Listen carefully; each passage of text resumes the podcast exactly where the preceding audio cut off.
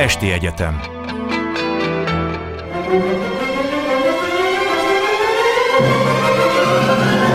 A világ urai. Merre rángatják a világ szekerét a hatalmasok? Szénási Sándor műsora Jó estét kívánok! Ma esti vendégünk Mitrovics Miklós történész, jó estét önnek is. Jó estét kívánok! És hát Lengyelországról fogunk beszélgetni. Több okból is egyébként a megjelent hírek szerint Lengyelország Párizsi nagykövete azt mondta, hogy abban az esetben, hogyha szükséges, akkor Lengyelország be fog lépni a háborúba. A másik hír az, hogy Lech Kaczynski, a korábbi lengyel elnök, aki ugye Katin felé tartva Smolenskkel lezuhant, és a gépen gyakorlatilag majdnem a teljes lengyel katonai vezetés meghalt. Ennek az ügyét újra föl akarják éleszteni, ez nyilván a háborúval összefüggő hír. És hát a másik, hogy Lengyelország előre lépett, és most már az Ukrajnát segítők, támogatók között a hatodik helyen van.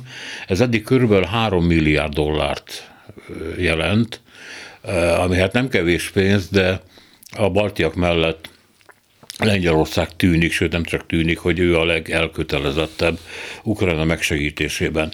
És ezzel kapcsolatban, a, ezekkel a hírekkel kapcsolatban, amiket mondtam, a, nagyon sok elemző mondja, hogy az a Lengyelország, amivel mi találkozni fogunk a háború lezárása után, nem lesz a régi hanem egy sokkal nagyobb szerepű, megnövekedett középhatalomról beszélünk, új szövetségi rendszerekkel, és hát megnövekedett hatalommal az Európai Unión belül. Mit gondol ezekről a találgatásokról? Hát köszöntöm a hallgatókat. Hát minden jel arra mutat, hogy ez így lesz, sőt bizonyos mértékben így van már, hiszen Lengyelország szerepe súlya elképesztő módon megnövekedett az elmúlt most már 14 hónapban, köszönhetően annak, hogy igazából bebizonyosodott, hogy a lengyeleknek volt igazuk.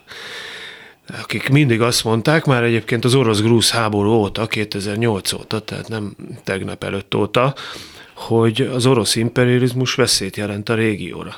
És erre fel kell készülni, úgy kell politizálni, hogy lehet arra számítani, hogy Oroszország nyugat felé is valamelyik szomszédját meg fogja támadni. Ugye akkor a Lech Kaczynski, még életben lévő elnök azt mondta, hogy ma Grúzia, holnap Ukrajna, holnap után lehet, hogy az én hazám Lengyelország következik. Ezt mondta 2008-ban Tbilisi-ben a parlament előtti tüntetésen az összegyűjt tömegnek. Na most 14-ben bebizonyosodott, hogy Ukrajna valóban a következő, ugye Krím elfoglalásával, keleti megyékben a, a úgynevezett szakadárok mögé bújt orosz hadműveletekkel, mert azért az egész világos, hogy ott mind pénz, mind fegyver Oroszországból jött végig, vagy gondoljunk a, a, a, a a maláj gép lelövésére, amiről szintén bebizonyosodott, hogy csak Oroszországból származó rakétával volt lehetséges lelőni. Tehát igazuk lett a, ebben. Ezt persze nem csak egyedül a lengyelek mondták, baltiak is mondták, sőt, öm, skandinávok is, ők nem annyira mondták, hanem készültek rá, például a finnek elképesztő ö, ö, módon fejlesztették az elmúlt években a hadseregüket, tehát ők most úgy lépnek be a NATO-ba, hogy az egyik legmodernebb és legerősebb és legelszántabb hadseregük van, az ezer kilométeres határ, Oroszországgal. Tehát ők ezt mondták, és nem csak a történelmi tapasztalatokra hivatkozva, hanem már itt voltak a bizonyítékok, és hát 14 óta viszont egyértelműen erre állt rá a lengyel külpolitika, biztonságpolitika, hogy, hogy fel kell készülni Oroszország nyugati terjeszkedése ellen. Na most persze ez abból is adódott, hogy a lengyelek tényleg komolyan gondolták azt, hogy ha Ukrajna elesik, vagy orosz protektorátus lesz, vagy orosz bábállam lesz, akkor valóban Lengyelország a következő. Ukrajna az egy, egy bástya a lengyelek számára, legfontosabb. Nyilván Belarus is az lenne, ha, ha, ha, ha nem lenne kvázi orosz bábállam már évtizedek óta, hát pláne most az elmúlt egy-két évben. De hát pont Belarus példája mutatja azt, hogy milyen könnyű bábállammá válni, és akkor onnantól kezdve veszélybe van Lengyelország szuverenitása. Na most bebizonyosodott, hogy igazuk lett, és nem a németeknek van igaza, akik 60-as évek vége óta azt mondják, hogy partnerséget kell az oroszokkal építeni, adni kell nekik technológiát, pénzt, aztán mi megkapjuk az olcsó nyersanyagot tőlük, és akkor ez lecsillapítja az orosz birodalmi vágyakat. Hát ez ideig óráig persze működött, de azért az látszik, hogy nem csillapította le a birodalmi vágyakat, sőt, miután erőt szerzett Oroszország, újra előtérbe kerültek ezeknek az álmoknak a megvalósítása. Úgyhogy egyértelmű a világban, és hát ez Németország leértékelődésével is jár együtt, hogy, hogy, hogy kinek lett igaza ebben a történetben. Most már nem lehet tagadni, hogy Oroszország nyugatra szerette terjeszkedni, hiszen 14 hónapja vív egy elképesztő, pusztító, véres háborút egy szuverén nemzettel, állammal szembe. Tehát itt, itt tényleg helyzet van, háborús helyzet van, és ha a biztonságunk megvédése a, a, a feladat, akkor bizony vissza kell szorítani az oroszokat Ukrajnába. Nézzük meg, hogy milyen szövetségi rendszereket épít Lengyelország ezzel összefüggésben. Ugye van a három tenger koncepció, de vannak mások is. Tehát gyakorlatilag, mintha a v már régen háttérbe szorult volna, a lengyeleket nem érdekli már az olyan nagyon, csak Magyarországon erről a média nem igen beszél hogy hogyan épülnek ki új kapcsolatok a baltiak, a skandinávok, Lengyelország, illetve Nagy-Britannia között. Ezeket a koncepciókat vázolná?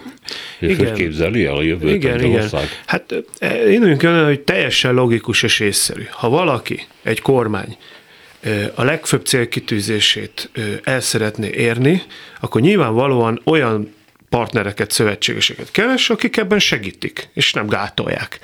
És háborús helyzetben nincs idő arra, hogy, hogy olyan kapcsolatokat is tápolgassanak, amelyek semmi másra nem jók, maximum egy egy PR értékű sajtótájékoztatóra, de közben nem történik semmi.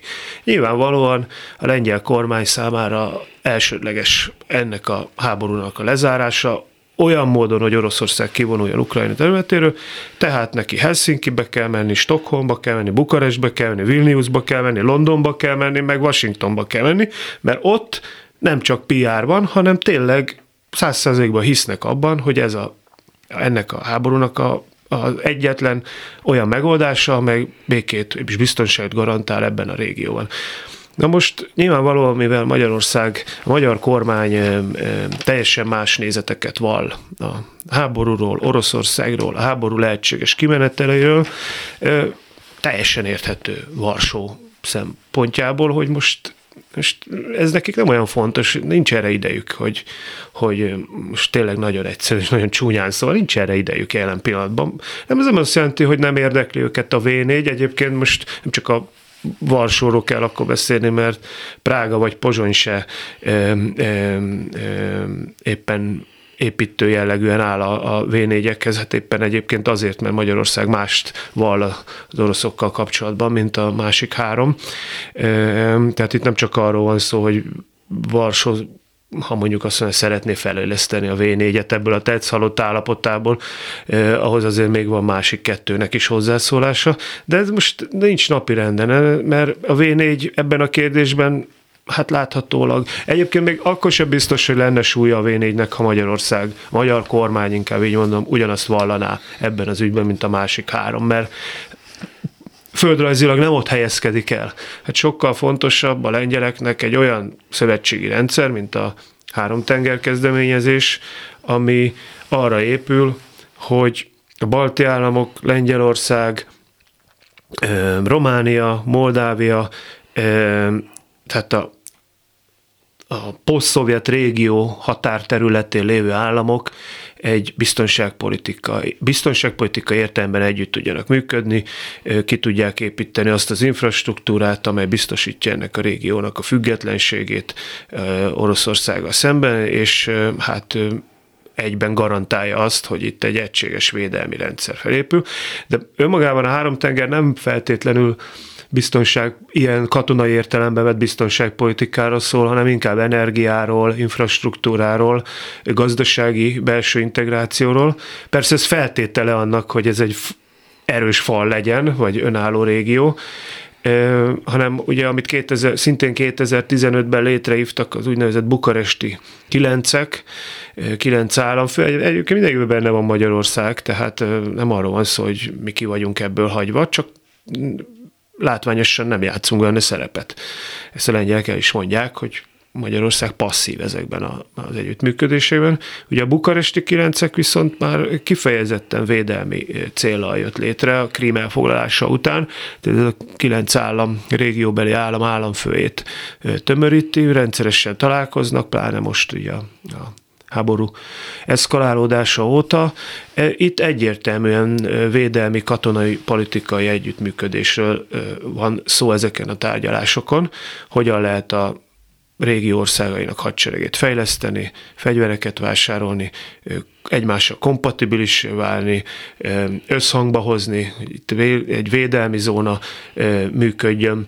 Tehát ez egyértelmű, hogy, hogy és persze most a két balti, bocsánat, két skandináv állam NATO tagságával ez bővül, mert most zárójelben ne legyünk kétségünk afelől, hogy Svédország is NATO tag lesz előbb vagy utóbb. Tehát Ugye itt a Balti tenger szerepe elképesztő módon megnőtt, hiszen most már Finnországgal egy NATO beltenger van, oroszok nem tudnak kijutni az óceán felé, a balti tengeren, anélkül, hogy NATO vizekre ne kelljen nevezniük. Tehát itt a V4 azért is leértékelődik, mert a, a, a súlypont, a politikai súlypont, a katonai súlypont földrajzilag északra tolódik, meg hát valamennyire keletre, mert ugye Ukrajna, bár nem tagja ezeknek a szervezeteknek, de hát látszólag Lengyelország egyben Ukrajna képviselője is, mind a bukaresti kilencekben, mind a áramtengerben. És hát nyilvánvalóan, hogyha ez a háború véget ér úgy, hogy az oroszok kivonulnak vagy kiszorítják őket Ukrajnából, akkor nincs nagyon kétségem a felől, hogy Ukrajna is valamilyen módon ezekhez a szervezetekhez társul, már csak azért sincs kétségem, hiszen az EU-hoz is szeretne Ukrajna társulni, és ezek a regionális együttműködések kvázi ilyen előszobaként is szolgálhatnak Ukrajna számára. Lengyelország mentort is választott ebben a ebben a helyzetben. Ugye Oroszország, vagy a korábbi Szovjetunió és Németország közé szorítva tulajdonképpen egyik egyik oldalról se találta meg soha a hangot, és hát erre történelmi okai vannak. A Molotov-Ribbentrop paktum csak egy állomás ebben a hosszú történetben. De Amerika megjelenése, vagy visszajövetele Európában, az lehetővé tette Lengyelországnak, hogy, hogy válaszol egy olyan partnert, amely a kapcsolatban nincsenek történelmi sérelmei. És Amerikának meg jó jött, nem csak Lengyelország, de Románia is, hogy megerősítse a saját európai jelenlétét. Nem tudom eldönteni, hogy melyik a fontosabb igazából eh, Washingtonnak, de úgy tűnik, hogy eh, mintha a középhatalmi státusz létrejöttéhez, megerősítéséhez Washington hozzájárulna, és nem csak katonákkal, fegyverekkel, hanem politikai súlyjal is. Ez így van? Abszolút egyetértek. A lengyel külpolitikában tényleg 89-90 óta Amerika mondhatni kis túlzás, hogy az origó. Tehát a német-orosz együttműködéstől a lengyelek mindig féltek és félnek. Még Németország főleg a Merkel érában meglehetősen vezet, hát mondhatjuk, hogy vezető szerepet játszott a régióban, Európában, politikai értelemben, gazdasági értelemben, addig pláne volt okuk féle, félelemre a lengyeleknek, hiszen tényleg 250 évre vissza, meg 300 évre visszamenőleg a, a porosz-orosz együttműködésektől kezdve 39-ig Lengyelország rendkívül sok kárát látta a fejük fölött való német-orosz vagy német-szovjet együttműködéseknek. Úgyhogy most, mivel Németország hát visszaszorul, de valamennyire ez tudatos is volt, úgy látom a, a szociáldemokrata vezetésű kormány részéről, vagy nem tudtak mit kezdeni, vagy nem akartak mit kezdeni ezzel a Merkel örökséggel itt a régióban. Lengyelország kihasználta ezt a helyzetet, és hát Amerika számára ez hogy mondjam, szerintem egy, egyfajta kényszer is volt, hogy belépjen ilyen súlyjal, de a lengyelek ezt üdvözölték, ez egészen biztos, hiszen nekik tényleg mindig fontos igazodási pont volt, mindig Amerikára tekintettek, aki garanciát tud vállalni Lengyelország szuverenitására. Erről szól az összes amerikai katona jelenléte Lengyelországban. Nem arról, hogy száz vagy ezer amerikai katona növeli Lengyelország védelmi képességét, de hogy növeli, hát miért, mit növelne rajta. Viszont elrettentő erővel bírhat, hogyha ott, ha ha kellő számú NATO katona és amerikai katona keveredne bele egy háborúba, mert mondjuk az oroszok támadnák Lengyelországot, és ők történetesen ott állomásoznak, akkor sokkal könnyebb lenne elindítani a NATO-nak azt a nevezetes cikkejét, hogy meg kell kapcsolódniuk megvédeni a, a megtámadott NATO országot. Mert ugye, ha ők nincsenek involválva személyesen saját katonájuk által egy háborúba, akkor azért nagyon nehéz tényleg elmagyarázni eh, Lisszabonban, vagy, vagy eh, Kanadában, hogy, hogy nekünk kéne küldeni hadsereget, mert Lengyelország megtámadtak. De ha ott vannak és belekeveredtek, akkor onnantól kezdve, tehát ez a lényege. Ezért harcoltak mindig a lengyelek, hogy legyenek ott NATO katonák, legyenek ott amerikai katonák, mindegy, hogy milyen, milyen létszámban, csak ez elrettent az oroszok számára, és hiszen tudja, hogy ha mondjuk megtámadná Lengyelországot, potenciálisan kirobbanthat egy orosz NATO háborút, mert ott NATO katonák vannak. Ez a lényege. Tehát ez mindig fontos volt, és azt hiszem Amerika is megértette, hogy nekik is jó, ha Lengyelország és Románia katonailag erősebben a régióban, hiszen tehermentesíti őket is. Tehát nem kell nekik adott esetben itt, itt háborúzniuk, hiszen itt van két olyan nagy kiterjedésű ország, amely lojális és hajlandó a saját hadseregét fejleszteni, mind létszámban, mind technikailag.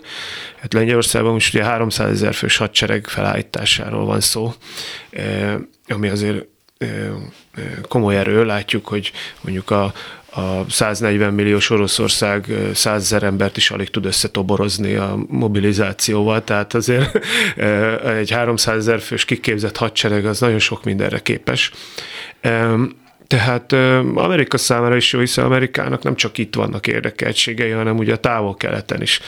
Tehát nyilvánvaló nekik jó, ha itt vannak megbízható erős szövetségesek, nem kell nekik e, saját erővel, e, nagy erőkkel itt lennie, nem kell nekik háborúzniuk Ukrajnába, stb., mert ha mondjuk Tajvanon kirobban valami, akkor nekik ott két, két fronton azért még Amerika se nagyon engedi meg magának manapság, hogy, hogy háborúzzon. Tehát ez egy, hogy mondjam, egy jó deal. Itt vannak azok a szövetségesek, akik örömmel elfogadják Amerika patronátusát, támogatását, megveszik az amerikai fegyvereket, lojálisak, tehát itt biztos, hogy ilyen probléma nincsen, de, de közben amerikai érdekek is érvényesülnek, hiszen hát tudjuk, hogy mondjuk palagázt Amerikából lehet hozni ebbe a régióba, vagy teszem azt, atomerőművet is tudnak az amerikaiak építeni Lengyelországba, e, és még lehetne sorolni azokat a, a gazdasági érdekeket, e, amelyek még a fegyver eladásokon túlmutatnak, és itt a régióban pozíciókat tudnak szerezni. Tehát ez egy win-win szituáció, és valóban, e, ahogy itt említetted, Románia Lengyelországhoz hasonló szerepet tud, tud játszani. Már csak a Fekete-tengeri partvidéke miatt is. Hát úgy tűnik, hogy az amerikai vezetés nem osztja azokat azokat az elemzéseket, amelyek szerint eh, Amerika végzetesen megosztja a pénzét, a figyelmét, az erejét eh, a távol-kelet és Európa között, és Európa nem annyira fontos neki, tehát hagyni kéne csudába, hogy ott mi történik, és Kínára kéne összpontosítani. De egy másik elemzés meg arra mutat rá, azt hogy a Foreign Affairs-ben jelent meg, hogy ha ez megtörténne, tehát Amerika eldobná Európát Romániával, meg Lengyelországgal együtt, ami ugye nem valószínű, akkor ki kéne lépni a NATO-ból is. Ha kilépne a NATO-ból, akkor nem kapná meg Franciaország és Nagy-Britannia segítségét a távol-keleten, a kínai tengeren, nem lenne szövetségese Ausztrália és Japán, hanem egy ilyen magányos nagy kóbor harcosként is kellene viselkednie, ami hát senkinek nem jó. Ráadásul a NATO cserbenhagyása azt jelenteni, hogy megint és újra csalódnak Amerikában azok, akik úgy gondolják, hogy az amerikai jelenlét a világban fontos, és egy újabb leértékelés következne ebből, de úgy látszik, hogy Washingtonban ezt megértették. Most Lengyelország mellett ugye Romániát is említettem, mint egy ilyen nagyon fontos bástyáját az amerikai jelenlétnek. Ez a két ország zavarja egymást a középbirodalmi, középhatalmi szerep eljátszásában, mert ugye Románia is ezt, ezt akarja. Igen, az elmúlt években még a háború eszkalálódása előtt, tavaly február előtt voltak bizonyos nem azt mondom, hogy konfliktusok, de azért feszültségek a két állam között, és hát ugye Romániának az a stratégia előnye, hogy ők a Fekete-tengeren ott vannak. És ugye ott van Moldávia, ami szintén egy neuralgikus pont, ugye az ország egy része, hát lényegében orosz protektorátus, ugye a transznisztriai terület, ahol oroszok állomásoznak volt bizonyos feszültség. A lengyelek úgy látták, hogy Amerika inkább Romániára tesz. Uh-huh. Most viszont úgy tűnik, az elmúlt, sőt, hát ez egész friss dolog, ugye itt március elején, azt hiszem, hogy jól emlékszem, március harmadikán volt egy lengyel-román csúcs, és március harmadikát lengyel-román barátság napjává is tették, emlékezve a száz évvel ezelőtti lengyel-román katonai szövetség szerződés aláírására, tehát felelevenedik az a, száz évvel ezelőtti, tehát a két világháború közötti geopolitikai együttműködés, amely akkor ugye a terjeszkedő bolsevikokkal szemben köttetett. Tehát ugyan ez a két állam, ugye hát, Moldávia vagy Beszarábia kapcsán ugye a szovjetekkel, a akkori Romániának is voltak vitái, vagy hát feszültség elég komoly közöttük, aztán ugye 40-ben visszafoglalják a szovjetek ezt a területet, amit ma Moldáviának hívunk. Tehát ez is egy nagy történelmi múltra visszatekintő katonai érdekszövetség, és most látványosan felújították. Hát számunkra ez különösen keserű volt azért, mert ugye pont márciusban történt, hogy lengyel-román barátság napját hirdettek, miközben március 23-án van hagyományosan a lengyel-magyar barátság napja, amit most már se tavaly, se idén nem tartottak meg legfelsőbb szinten. Mindig államfői találkozókkal zajlottak ezek a, az ünnepségek. Jó, előtte a Covid miatt sem volt már kétszer, de most, most már a háború miatt nem volt kétszer, tehát ezt most már sajnos lassan, szomorúan tudomásuk kell venni, hogy ez lehet, hogy nem olyan fontos a, a, a lengyeleknek, miközben itt Romániával egy, egy komoly szövetség. De ez a két világháború között is nagyon erős szövetség volt közöttük, tehát sokkal erősebb volt. Hát gondoljunk bele, hogy mondjuk József Pilsudski a a lengyel államnak haláláig, ugye 35-ig a, az atya még akkor is, ha épp nem volt hivatalban, de hát ő, ő, ő gyakorlatilag hazajárt Romániában. Minden évben volt. Volt, hogy ott volt több mint egy hónapig. Magyarországra egyszer se jött el Pilsudski. Tehát ö, ö, egészen, tehát hogy csak érzékeljük a, a, a, a, az óriási különbséget. Tehát akkor is stratégiai, geopolitikai, biztonságpolitikai gondolkodás volt, és fontosabb volt nekik ez. És persze próbálták akkor is ugye magyar-román vitákat, hát hogy mondjam, ilyen közvetítő szerepbe próbálták ki simítani, ez nem sikerült, de olyan nagy energiákat nem is fektettek rá. Jó lett volna, ha sikerül, de igazából font, az volt nekik a fontos, hogy a románok meg ne sértődjenek, mert az fontos. És most ez visszajött, mert most megint Oroszország nyomul előre, vagy szeretne előre nyomulni, és hát minden kizár, mondhatjuk, hogyha nem állna mögötte, az európai összefogás motorja nem lenne Lengyelország és Románia, és nem hajtaná a NATO-t, az amerikai a szövetségeseket, hogy adjanak fegyvert Ukrajnának, akkor nyomulna is előre Oroszország, akkor már egészen biztosan, hogy a lengyel határok határnál lennének, meg a román határnál lennének az oroszok. Tehát ez, ugye ez annak köszönhető csak, hogy nem ott vannak, hogy, hogy itt van ez a hatalmas európai, meg világméretű összefogás Ukrajna mögött. Mert most ugye sokan mondják, hogy nem kell félni Oroszország, tehát látjuk, Bakmutot se tudják elfoglalni hónapok óta. Hát persze, mert van, van az ukránok mögött egy támogatás. Hát ha nem lenne, akkor már rég nem Bakmutról beszélnénk, hát akkor már az ukránoknak nem lenne mivel lőni. Ugye, már, már lehet, hogy már egy éve nem lenne Ukrajna se. Tehát, hogy ezt felejtik el sokan, hogy, hogy ugye ez a kritika, hogy hát mit félnek a lengyelek, meg a románok az oroszoktól, hát látjuk milyen gyengék. Hát persze, azért gyengék, mert mert az ellenállás segítjük. Ha nem segítenék, akkor, akkor egész más lenne a szituáció. Említette a 300 ezer fős lengyel hadsereget, és valóban az utóbbi időben nagyon sokat lehet olvasni arról, hogy írtozatos mennyiségű pénzt költenek a hadseregre, ráadásul gyorsan akarnak eszközöket, tehát például Németországtól akartak mindenféle hadieszközt megvenni, de hát a németek azt mondták, hogy idő kell ahhoz, hogy legyártsák ezeket, mire Varsó azt mondta, hogy nem, nincs időnk, és Dél-Koreától rendelték meg a harckocsikat, meg azt, hogy repülőgépeket is. Ez a fegyverkezés, ez körülbelül mennyi pénzt emészt föl, és milyen területekre terjed ki? Tehát tulajdonképpen Lengyelország, amikor fejleszte a hadseregét, akkor milyen típusú konfliktusokra készül?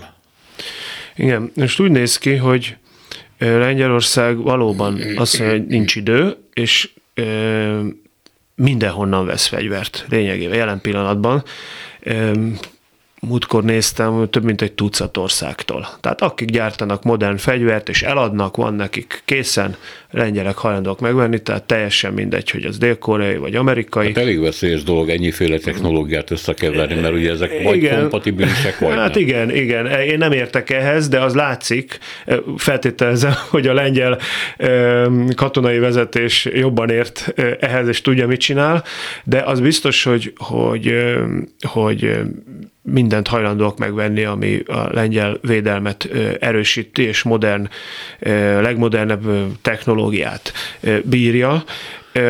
Ezzel, de lényegében minden fegyvernemet. Tehát a légierőtől a szárazföldön át a, a hadiflottán keresztül mindent fejlesztenek, fejlesztik és bővítik a, az úgynevezett önkénteseket, aki most lehet jelentkezni ilyen néhány hónapos kiképzésre, amire most már ha jól emlékszem, több mint 20 ezeren, vagy több mint 20 ezeren vettek részt az elmúlt fél évben ilyeneken Lengyelországban.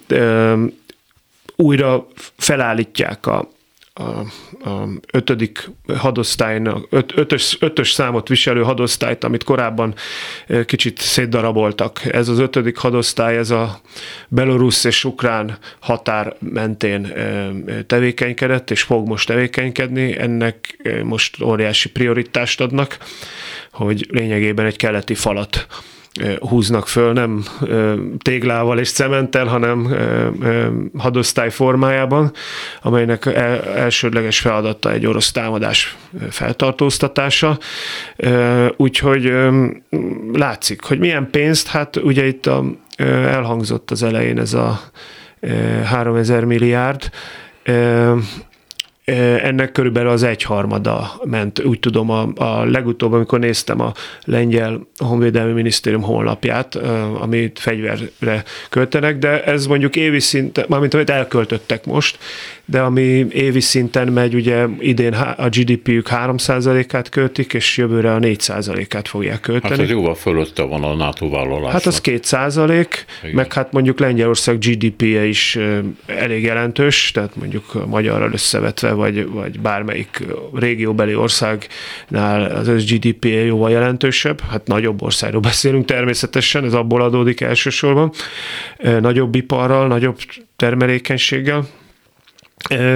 Ugye most Tadeusz Morawiecki államfő Washingtonban járt három napos látogatáson, és ott is megerősítette, hogy a 4%-ot el fogják költeni. Meglátogatott egy-két fegyvergyárat is, és hát gondolom valamiben meg is állapodtak újabb kontingensekben. Hát most elsősorban ugye az Abrams tankokról volt szó, de hát itt mások, másról is szó van, F-35-ösökről, ha jól tudom. Nem vagyok ennek kifejezetten nagy szakértője, de az látszik, hogy mi a cél az, az az elsőleges cél, hogy, hogy Lengyelország kész legyen fogadni egy esetleges támadást keletről. Visszatérve arra, amit a lengyel nagykövet mondott Párizsban, és ami után persze a lengyel külügyminisztérium rohant, sietett közölni, hogy erről szó nincs, hogy Lengyelország be akarna lépni a háborúba, de nem tudom, hogy ez egy elszólás volt egy diplomatától, vagy, vagy kifejeződése valamiképpen a lengyel elszántságnak.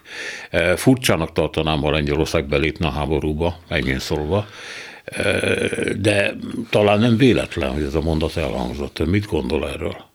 Lengyelország szerintem nem, egyáltalán nem akar belépni a háborúba. Ez, ez Magyarországon nagyon népszerű bizonyos sajtóorgánumokban ezt ismételgetni, hogy Lengyelország háborúpárti, Lengyelország háborút akar, stb. Lengyelország egyáltalán nem akar háborút, Lengyelország békét akar, ahogy Ukrajna is békét akar, de hát éppenséggel megtámadták őket, ilyenkor nagyon nincs mit tenni. Föl kell venni a kesztyűt, vagy, vagy megszűnik ez az állam. Na most azt gondolom, hogy a, e, egyrészt szerintem is egy hát egy rosszul megfogalmazott mondat volt ez. Egy diplomata nem mondjon ilyet, főleg ha nincs ilyen szándéka a kormányának.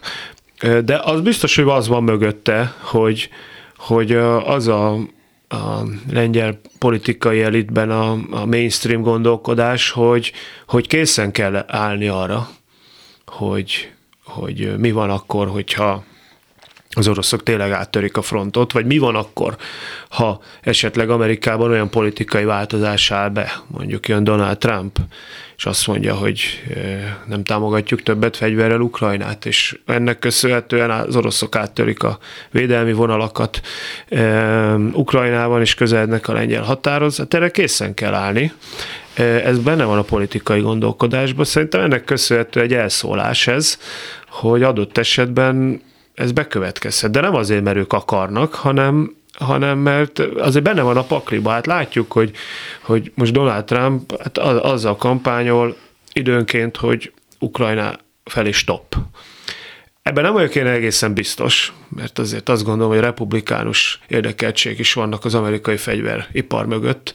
E, tehát nem vagyok én abban olyan biztos, hogy e, ez így történik, de az biztos, hogy ilyeneket, ilyenekkel kampányol. Tehát ettől ezt azért komolyan kell venni, hogy potenciális elnökjelölt, aki egyébként, ha elnökjelölt lesz potenciálisan, meg is nyerheti akár az elnökválasztást, miért ne nyerhetné meg, egyszer megnyerte. Nyilvánvalóan az oroszoknak is érdeke lesz, hogy megnyerje, ha ilyenekkel kampányol. Hát ezt figyelembe kell venni Varsóba. És én azt gondolom, hogy ez egy teljes saját tapasztalatom is, hogy ez nem is csak a politikai elit, hanem az értelmiség, meg úgy az átlag emberek jelentős részében is benne van az elmúlt 14 hónapban az, hogy hogyha Ukrajna elesik valamilyen módon, jelen pillanatban ilyen módon tud elesni, hogyha stop lesz a fegyverszállításról, akkor ö, Lengyelország első számú ellenség Oroszországnak. Ha eddig nem volt, most már biztos az, tehát azért ne felejtsük el, hogy, hogy ezért az elmúlt 14 hónapban ö, nyilvánvalóan az orosz vezetés szemében is ez egy potenciálisan veszélyes ellenség Oroszország számára Lengyelország. Tehát ezt nem lehet elvonatkoztatni, de attól diplomaták nem kéne ilyet mondania, szerintem. Igen. Az elmúlt egy évben megjelentek, hát gondolom jó részt az FSB által hamisított mindenféle tervek, de lengyel televíziókban is föltűnt egy olyan térkép, ami arról szólt, hogy hogy, hogy osztják föl Ukrajna területét Lengyelország, vagy mondjuk Magyarország, vagy Románia között. És hát ezzel nyilvánvalóan a koalíció a ukránpárti koalíció szétverését célozták, de az emberben megfogalmazódhat az, hogy annyiszor volt itt határkérdés Lengyelország meg Ukrajna között, ugye a, szovjetek gyakorlatilag a Molotov-Ribbentrop paktummal hát lengyel területeket szálltak meg, amik most Ukrajnához tartoznak, tehát én nehezen tartom elképzelhetetlenek azt, hogy ez nacionalista lengyel körökben nevetődne föl időnként.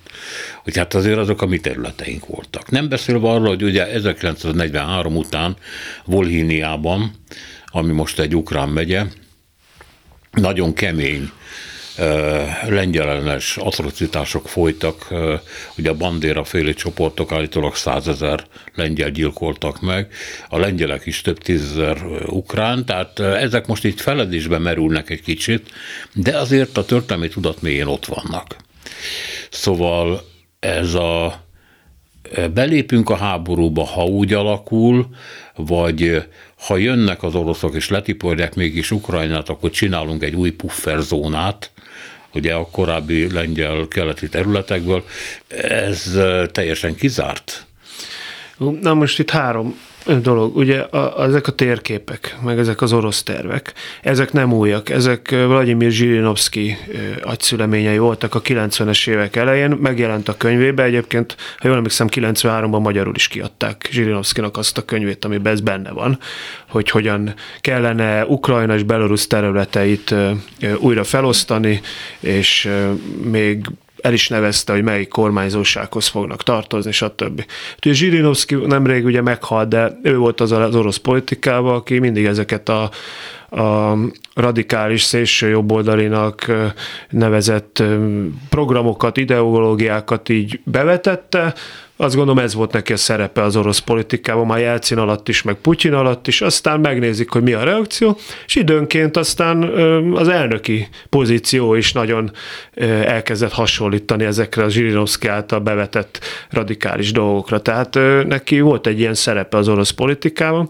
Tehát ez onnan ered, és való igaz, hogy még még Donald Tusk volt a miniszterelnök Lengyelországban, tehát ez 15 előtt volt, sem emlékszem pontosan, de amikor 14, hát valószínűleg a, a Krím elszakítása idején, emlékeim szerint akkor ö, derült ki, hogy kapott Lengyelország, Oroszország részéről ilyen ajánlatot, és hát lengyel sajtóból úgy tűnik, hogy Magyarország is kapott ilyen ajánlatot. Ugye erre nem reagált tudtommal a magyar kormány sehogyan, egyébként szerintem nagyon helyesen. Lengyelországban, mivel ez kiszivárgott, ezért volt kisebb sajtóvihar akkor erről, de egyértelműen állást foglalt az akkori miniszterelnök, illetve miniszter, külügyminiszter, hogy jól emlékszem, hogy még Sikorszki volt talán, hogy, hogy erről szó sem lehet. Na de most, hogy miért nem lehet szó erről? Hát ugye ez a másik, hogy itt persze voltak lengyel területek valamikor, ha azt lengyelnek lehet nevezni, hát mondjuk 18 és 39 között voltak lengyel területek, meg 1772 előtt is voltak lengyel területek, ha azt lengyelnek lehet nevezni, ugye egy lengyel-litván állam részeként valóban a mai Ukrajna bő harmada tartozott a lengyel-litván államhoz. Tehát, hogy ilyen volt valóban, de ez, ez egy multietnikus, sokvallású, teljesen más politikai berendezkedési állam volt. Van nyilvánvalóan, hogy ez a Jagelló birodalom, még a Jagelló kihalása után is működött. Van bizonyos nosztalgia, ez tagadhatatlan. A három tenger kapcsán is sokszor előkerül, hogy ez egy micsoda védőbástya, és egy, egy milyen jó működő állam volt, és a többi nyilván ezek tartalmazak túlzásokat, meg emlékezett politikai ferdítéseket is. Ö, ö, tehát erre van egy nosztalgia, de ez nem párosul revizionizmussal, hiszen azt tudni kell, hogy hát Lengyelország valóban 45-ben nyugatra tolódott, elvesztette a keleti területeit, elvesztette Lvuvot, Lvivet, vagy Lemberget, honnan nézzük, ami a lengyel kultúra egyik fontos bázisa volt, na de kaptak cserébe Sziléziát, nyugat-lengyelországi sávot, Pomerániát, lényegében Gdańskot, és hát Kelet-Poroszországot. Gazdaságilag sokkal fejlettebb területeket. Na most, ha Lengyel, Lengyelország 45 óta védi ezt a status quo-t, és ez a német egyesítésnél is ez volt a legfontosabb, hogy semmit vissza a németeknek. Na most a Lengyelország önként fölrúgná ezt a státuszkót azzal, hogy a ukrán területekre ráteszi a kezét, hát nincs kétségem, hogy holnap után a német radikálisok bejelentkeznének a, a sziléziai területére, ami hát egy aranybánya, egy kincs, ma is. Wroclawval együtt, meg, meg, meg Gdańsk, stb. Tehát lengyelek nem rúghatják föl ezt a status quo-t, hát az, az egy kétséges dolog, hogy Ukrajnába bármit szereznének, az viszont egy nagyon valóságos lenne, ha a németek bejelentenek, ráadásul úgy, hogy a lengyelek jelen pillanatban is kártérítést követelnek Németországgal szemben a második világháborús pusztításaként. Tehát ez olyan lavinát indítan el, aminek semmi értelme nincsen. Ráadásul az volt a első világháború utáni negatív tapasztalat is, hogy a rigai békével 21-ben, hogy nem jött létre önálló Ukrajna, nem jött létre önálló Belarus, hanem fel lett osztva a szovjetek és a lengyelek között. Ezt már Pilsudski akkor tudta, bocsánatot kért az ukrán önkéntesektől, akik az oldalán harcoltak nyilvánosan bocsánatot kért, elnézést uraim, nem ezt akartuk. Sokkal jobb lett volna a Pilsudskinak egy ütköző állam már akkor. Akkor ő már pontosan tudta, hogy nem jó határosnak lenni a Szovjetunióval. Tehát most, ha belegondolunk, most, mi, mi, most is az a lengyel politika, hogy ne legyünk határosak Oroszországgal. Ukrajna legyen minél nagyobb és minél erősebb. Legyen köztünk. Hát ez a lényege az egésznek. Most önként fölrúgnák ezt az egészet, hitelét veszteni a lengyel politika, föltüzelni a németeket, szembeállítaná velük az ukránokat. Hát egyszerűen nincs olyan pontja ennek az egésznek, ami, ami és akkor a harmadik, oké, okay, Volhinia. Na most ez tényleg egy kényes kérdés, ez a harmadik rész, de ez nem revíz, revízióval, ezen már nem lehet mit segíteni. Ezt el is mondja a lengyel kormány, meg a lengyel diplomácia, ha megkérdezik tőlük, hogy ez nincs elfelejtve. Pláne, hogy egyébként az ukránok nem kértek bocsánatot ezért, mint ahogy mondjuk a németek már százszor bocsánatot kértek háború alatti tetteikért. Az ukránok nem kértek bocsánatot, de azt mondják a lengyelek, hogy oké, okay, most, most ez, ez, ez ez most ne legyen napi rendem, mert ez, ez gyengíti a mi összefogásunkat. Majd, ha vége lesz, és úgy lesz vége, hogy mi szeretnénk, tehát Ukrajna győz, mi győzünk, akkor majd demokratikus keretek között nyilván egy EU-hoz társulni szerető Ukrajna, majd megbékélünk, ahogy a németekkel egyébként megbékéltek, lehet mondani legalábbis nagy vonalakban, hogy ott azért egy történelmi megbékés lezajlott, vagy a franciák a németekkel is van erre sok példa, de most nem, most, most tényleg elismerik, hogy ez, ez szőnyeg olyan söpörre. Rendben van, ez most akkor lesüllyed valamennyire a történelmi emlékezetbe, legalábbis egy időre, bár ugye vannak tapasztalataink arról, hogy mennyire elő lehet kaparni a szőnyeg elő alól. Az bocsánat, igen, hát igen, a szélsőjobb, Lengyelország is van azért szélsőjobb, ott való igaz, hogy ők nem söpörték a szőnyeg alá. Tehát lehet ilyen hangokat hallani, lehet ilyeneket olvasni, hogy nem szeretjük az ukránokat, mert nem kértek bocsánatot, és stb. stb. Tehát ez van, csak azt mondom, hogy az a politikai erők, akik potenciálisan Lengyelországban kormányra kerülhetnek, ugye idén választások lesznek, vagy akik most, most kormányon vannak, vagy az az értelmiség, aki egyik vagy másik oldal mögött áll, vagy független mindentől, mert Lengyelországban ilyen is van. Azok számára nem kérdés, hogy e, e, erről nem lehet vitatkozni. Hogy alakul ön szerint? Tudom, hogy picit a politikai jóslás területére tévedünk, de hát azért bizonyos vonalak fölvázolására talán nyílik lehetőség. Az ukrán-lengyel viszony, mert eddig arról beszéltünk, hogy Lengyelország új szerepbe jut. Ez egy vezető szerepet jelenthet, nyilvánvaló módon, de Ukrajna azért egy nagyon megerősödött identitású ország a háború után, ezt sokszor mondják, hogy Putyin hogy segített összekovácsolni az ukrán nemzetet, és valóban ebben igaza, igazuk is van. Ráadásul nagy gazdasági erőt is képviselhet akkor, ha sikerül helyreállítani. Hát ugye mondjuk a mezőgazdasági termelés, az acélgyártása több területen is nagyon fontos szereplővé tette nemzetközileg is Ukrajnát. Szóval biztos-e, hogy Ukrajna ilyen másodheged is lesz majd?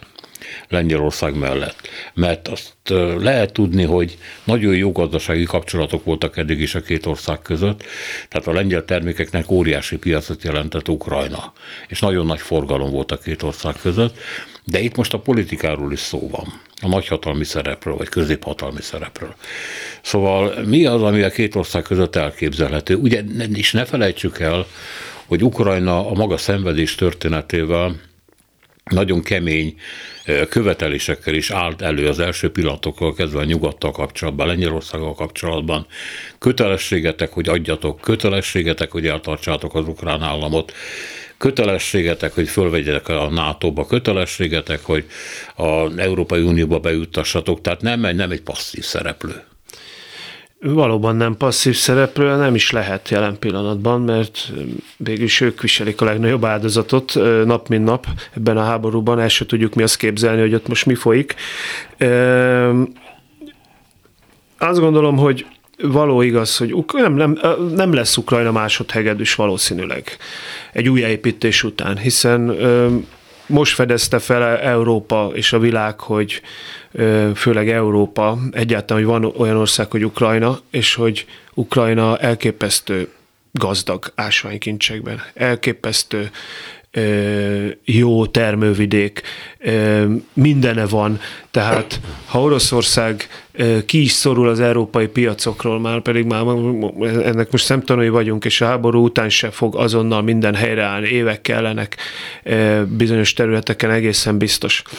Ukrajna sok mindenben tudja pótolni Oroszországot, ha nem is mindenben, persze mindenben nem tudja ez egy jelentős ország, jelentős nemzeti öntudattal, ez való igaz. Más részről azért újjá kell építeni. Ez romokban van ez az ország. Tehát jelen pillanatban infrastruktúrálisan, gazdaságilag, minden szempontból. Tehát itt, itt lehet, hogy a, egy ilyen most nyilván arányosítva 45 után, 47 utáni Marshall tervhez, de valami hasonló kell Ukrajnának, hogy újjáépüljen. Ez egy hatalmas ország, óriási károkkal. Egyébként is a háború előtt is ráfért volna egy, egy, egy hatalmas pénzügyi dózis, hogy ez egy működőképes és Európa számára gazdasági szempontból hasznos partner legyen. Hát most pláne, tehát most, most ennek a többszöröse. Tehát ez egy katasztrofális helyzet.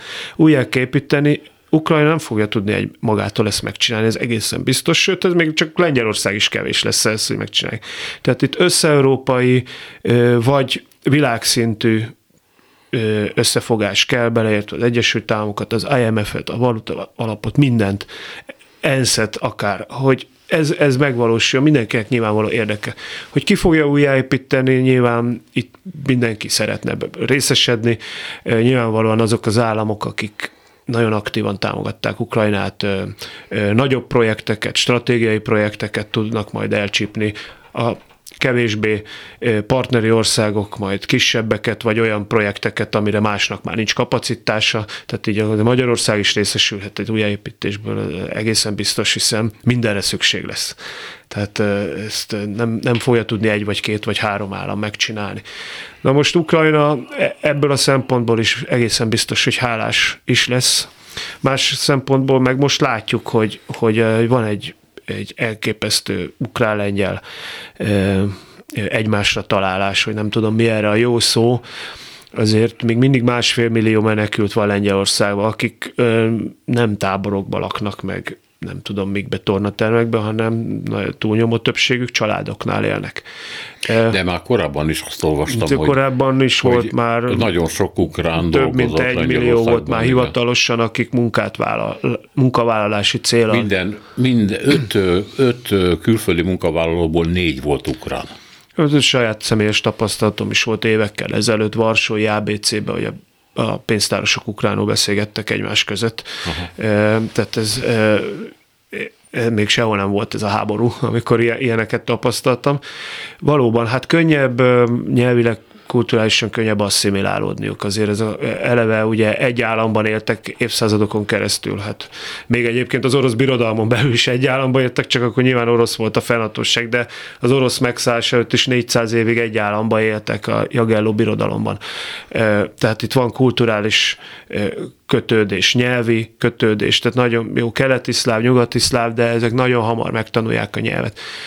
Ami érdekesség itt, tehát hogy van egy ilyen óriási hálaérzés is a lengyelek felé, hogy ők tényleg minket most megsegítenek minden értelemben, nem csak fegyvert adnak, nem csak kiállnak értünk, nem csak verik az asztalt a nemzetközi fórumokon, hanem be is fogadnak minket, iskoláztatnak, átadják a templomaikat, tehát katolikus templomokba tartják a, a pravoszláv ortodox ukrán miséket. Tehát tényleg egy óriási gesztus lengyel részét, tehát szerintem az ukránok, bár nagyon tudattal rendelkeznek, és biztos nem szeretnének másodhegedűsök lenni, de szerintem ezt nem fogják egy könnyen elfelejteni, ezt az óriási szolidaritást, amit most a lengyelektől kapnak, úgyhogy nem hiszem, hogy itt rövid középtávon itt bármiféle ilyen, ilyen konfliktus van.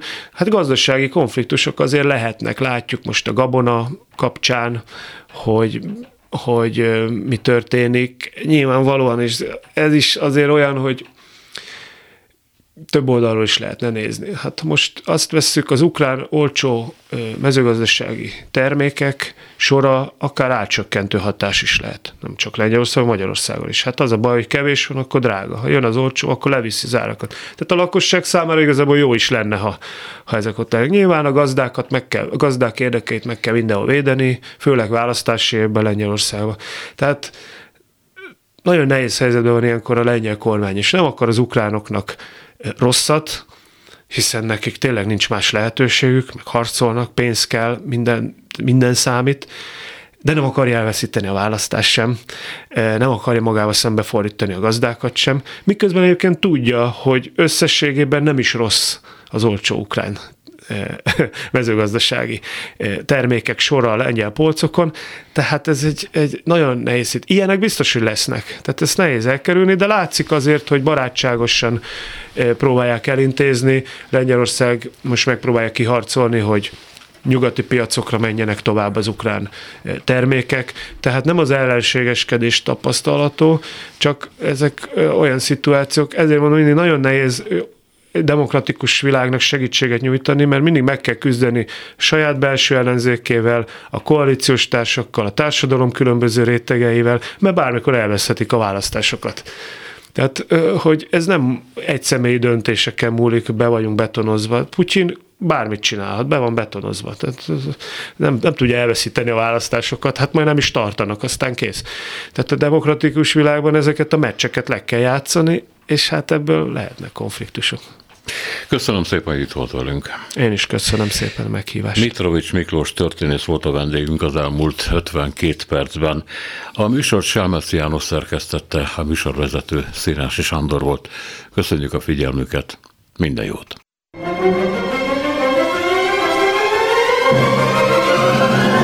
A Világ Urai című műsorunkat és Szénási Sándor műsorvezetőt hallották. thank you